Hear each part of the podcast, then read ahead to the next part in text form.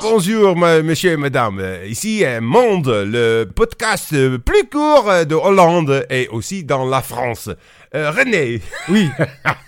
tu parles français. Un petit peu. Ah, tu vu le, euh, euh, René a une moustache, hein? Ouais, oui, oui. Ah oui. Une grande moustache. Une grande moustache. Oh, oh, oh, oh, oh, oh, oh, oh, oh. Ceci, c'est l'amende. Au revoir. Non, Mante